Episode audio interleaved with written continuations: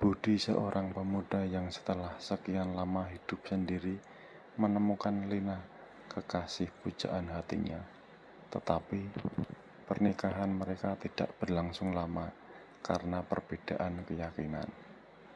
Amir yang merupakan sahabat Budi mempertanyakan perihal penyebab perpisahan mereka.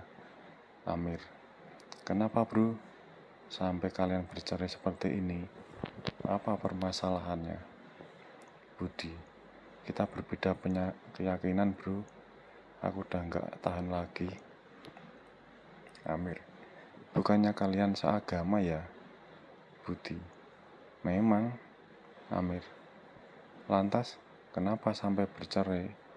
Karena perbedaan keyakinan apa yang dipermasalahkan?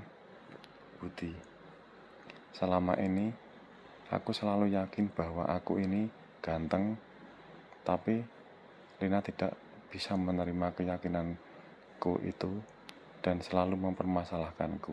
Amir. Oh, gitu ya. Lemang, kamu ganteng.